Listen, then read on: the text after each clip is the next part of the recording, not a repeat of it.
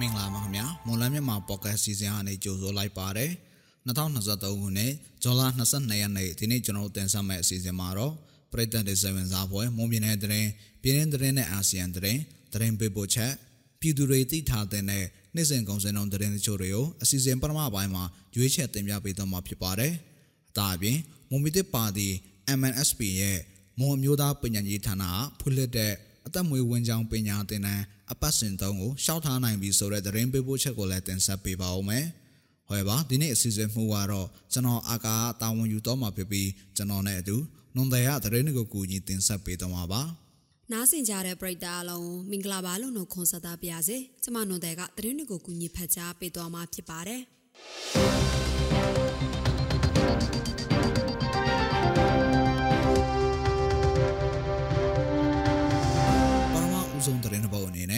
ကြက်မြောမျိုးနယ်အတွင်းဟာအမျိုးသားဒီမိုကရေစီအဖွဲ့ချုပ်ပါတီ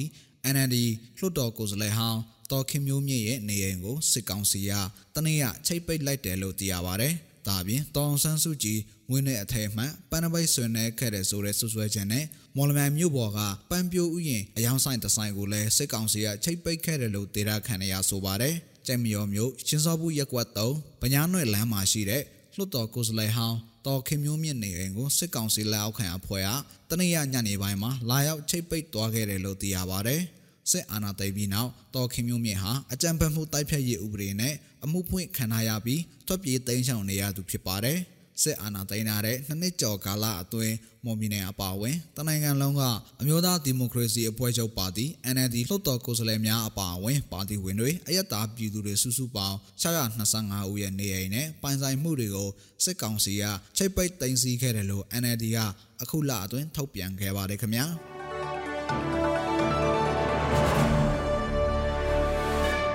နောက်ထပ်သတင်းသဘောအနေနဲ့ ရေမြို့နယ်လမိုင်းမြို့နိုင်ရီစင်အရှိမှာဒီနေ့မနက်10:00နာရီအချိန်ခန့်ကအမျိုးသမီးတူတနက်ပစ်ခံရပြီးတေဆုံးခဲ့တယ်လို့လမိုင်းလူငယ်ပရာဟိတအဖွဲ့ထံကနေသိရပါဗျ။တနက်နဲ့ပစ်ခံရသူ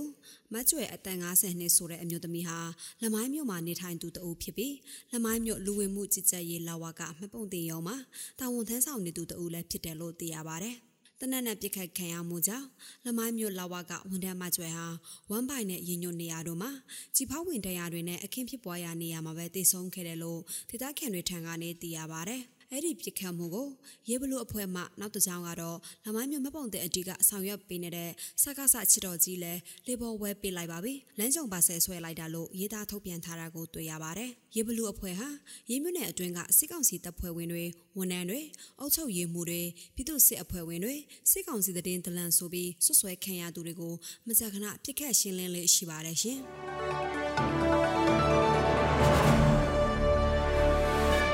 ထပ်သတင်းတစ်ပုဒ်အနေနဲ့နေပြီးတော့ရန်ကုန်မန္တလေးအေရဝတီနဲ့ပဲခူးက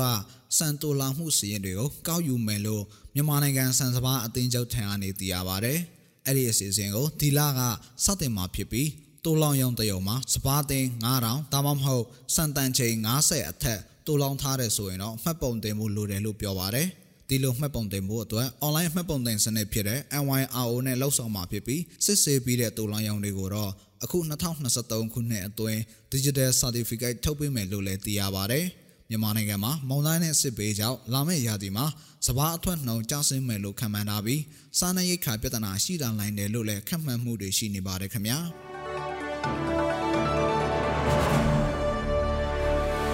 နောက်ထပ်သတင်းသဘောအနေနဲ့ တနိုင်ငံလုံးပြစ်ခတ်တိုက်ခိုက်မှုရက်စက်ရေးသဘောတူစာချုပ် NCA မှာလက်မှတ်ရေးထိုးထားတဲ့အပြည့်ရဲ့ငါးဖွဲ့နဲ့စစ်ကောင်စီရဲ့အငြိမ်းချမ်းရေးကော်မတီနဲ့နေပြည်တော်မှာထပ်မံတွေ့ဆုံဖို့ရှိနေပါတယ်။ဇွန်လ26ရက်နေ့ကနေဇွန်လ28ရက်နေ့အထိ၃ရက်ကြာတွေ့ဆုံမှုကိုနေပြည်တော်မှာပြုလုပ်ကြမှာဖြစ်တယ်လို့သိရပါတယ်။ထိုင်းနိုင်ငံချင်းမိုင်မှာပြုလုပ်ခဲ့တဲ့မျက်နှာစုံကြီးအစည်းအဝေးမှာစစ်ကောင်စီကငင်းချင်းရဲ့အဖွဲ့နဲ့အခုလိုထပ်တွေ့ကြဖို့သဘောတူညီခဲ့ကြပါတယ်။ ဒီလိုထပ်သွင်းဆောင်ဆွေးနွေးမဲ့အကြောင်းငင်းချင်ရေးလုပ်ငန်းစဉ်ဦးစီးမှုကော်မတီ PPSD ကထုတ်ပြန်ထားပေမဲ့သွေးဆောင်မဲ့အဖွဲ့တွေကဖယ်အဖွဲ့တွေလဲဆိုတာကိုတော့ရှင်းရှင်းလင်းလင်းဖော်ပြမထားသေးပါဘူးရှင်။နောက်ဆုံးသတင်းတစ်ပုဒ်အနေနဲ့မြန်မာထိုင်းနယ်စပ်မြေပေါ်ကတပ်စခန်းတွေကိုမရုပ်သိမ်းပေးနိုင်ဘူးလို့ဝါတပ်ဖွဲ့ UWSA ကပြောပါတယ်။ဝါတပ်ဖွဲ့ရဲ့တပ်စခန်းတွေဟာထိုင်းနယ်နိမိတ်မှာရှိတာမဟုတ်ပဲ မြန်မာနယ်နိမိတ်ထဲမှာရှိနေတာဖြစ်ပြီးဒါဟာကိုဒေတာကိုကိုကာကွယ်တာဖြစ်လို့မဆုတ်ခွာပေးနိုင်တာဖြစ်တယ်လို့ UWSA ကကြေညာချက်ထုတ်ပြန်ပြီးပြောဆိုလိုက်တာပါအဲ့ဒီတပ်စကန်တွေကိုစောက်ကွာပေးဖို့ထိုင်းနိုင်ငံကတောင်းဆိုစရာမလိုသလို NASA ကအနေနဲ့လည်းဖိအားပေးစရာအကြောင်းမရှိဘူးလို့ UWSA တောင်ပိုင်းဆက်ဆံရေးယုံတာဝန်ခံရလဲပြောကြားထားပါတယ်။ဂျွန်လ19ရက်နေ့ကတာချီလိတ်မြို့က 1G1 ဟိုတယ်မှာမြန်မာထိုင်း နှစ်နိုင်ငံနယ်စပ်ကော်မတီအစဉ်အစည်းအဝေးမှာနယ်စပ်မြင်းမော်ကဝတ်တပ်စခန်း၅ခုကိုစောက်ခွာပေးဖို့ထိုင်းအာဏာပိုင်တွေကတောင်းဆိုခဲ့တာပါအပြန်အလှန်အနေနဲ့စစ်ကောင်စီကလည်းမြန်မာပြည်ဘက်ကထွက်ပြေးတိမ်းရှောင်သွားသူတွေရဲ့အမှုပြေးတွေကိုဖမ်းဆီးပေးဖို့ထိုင်းအာဏာပိုင်တွေကိုပြန်တောင်းဆိုခဲ့တယ်လို့သိရပါတယ်ခင်ဗျာ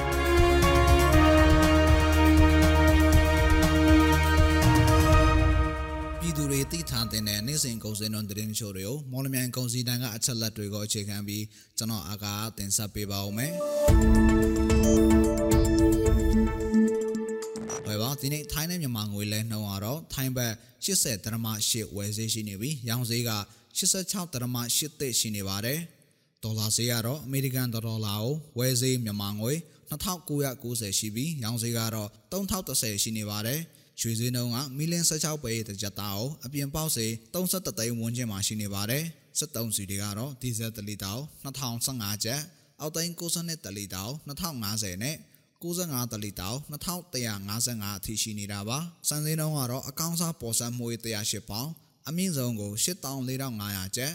အလဲလက်တန်ဆန်မျိုးစားပေါ်ကျွဲ108ပေါင်အနှိမ့်ဆုံးကို93,500ကျပ်နဲ့အမထဆန်နေရတော့108ပေါင်အနှိမ့်ဆုံးကို 6500နဲ့အမြင့်ဆုံးကို6900အထိရှိနေတာပါ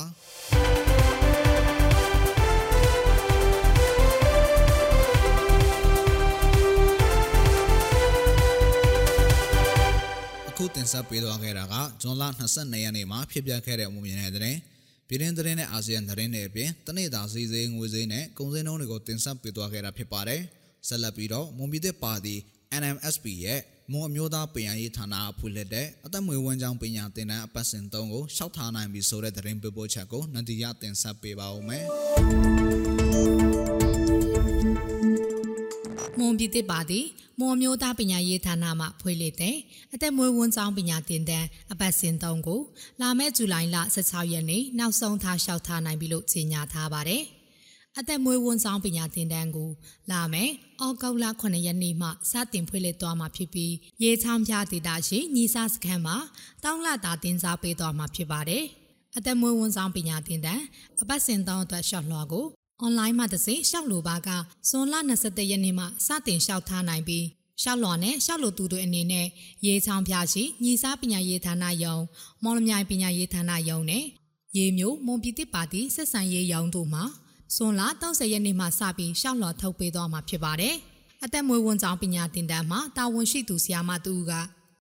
ပိုကြောင်းမျိုးကပကိုင်ဆောင်လာတော့ဒီအပတ်စီအတွက်ကို25ရောက်လက်ခံသွားမယ်လို့မှန်းထားတာပေါ့လေဒါပေမဲ့ပိုရင်လည်းနည်းနည်းပိုမယ်ရော့ရင်လည်းနည်းနည်းရော့မှာပေါ့မှန်းထားတာ25ရောက်ပေါ့ ဒါအပြင်ရှောက်ထားသူတွေဟာအသက်မွေးဝမ်းကြောင်းပညာကိုအမှန်တကယ်စိတ်ဝင်စားသူဖြစ်ပြီးတင်တန်းပြီးမြောက်ပါကလုပ်ငန်းခွင်အတွင်းဝင်ရောက်လောက်ကင်ဖို့လိုအပ်တယ်လို့ဆိုပါတယ်။တာမောင်ပို့ကြောကဖနာပညာဟောပါပါလေဆိုတော့ပြီးခဲ့တဲ့ဒုတိယခောက်တင်နန်းနဲ့အခုတတိယခောက်တင်နန်းကအချိန်နဲ့နဲ့ကြာသွားတယ်။ကျမတို့မှပြင်ဆင်စရာလေးရှိတာရဲ့အလူရှင်တွေလည်းသူတို့ဘက်ကစောက်ပင်နေရတော့ကြာသွားတယ်။ဘယ်လိုရှိမှာကမအေးအာဖိုင်တော့မမောမမ်တေး အသက်မွေးဝမ်းကြောင်းပညာသင်တန်းမှာစပင်းနဲ့မိတ်ကန်ဆက်ချောက်ဆက်ပြင်ဆိုပြီးအမျိုးအစားသုံးမျိုးရှိကြောင်းတင်တန်းပြီးရင်လုပ်ငန်းခွင်ဝင်ရောက်လောက်ကင်နိုင်ရေးတက်ဆိုင်ရာလုပ်ငန်းခွင်တို့နဲ့ချိတ်ဆက်ပေးမယ်လို့သိရပါဗျ။အသက်မွေးဝမ်းဆောင်ပညာသင်တန်းကိုကျောင်းတဝက်တစ်ပြက်နဲ့နားထားရတဲ့မိုးလူငယ်တွေလုပ်ငန်းခွင်အတွင်းဝင်ရောက်နိုင်ဖို့နဲ့အလောက်ကင်ခွေလန်တွေရရှိစေဖို့ရည်ရွယ်ပြီးမော်အမျိုးသားပညာရေးဌာနမှဦးစီးကပြီးခဲ့တဲ့2022ခုနှစ်ဇွန်လကတင်တဲ့အပတ်စဉ်တစ်ကိုစတင်ဖွင့်လှစ်ခဲ့ပါတယ်။မြန်မာ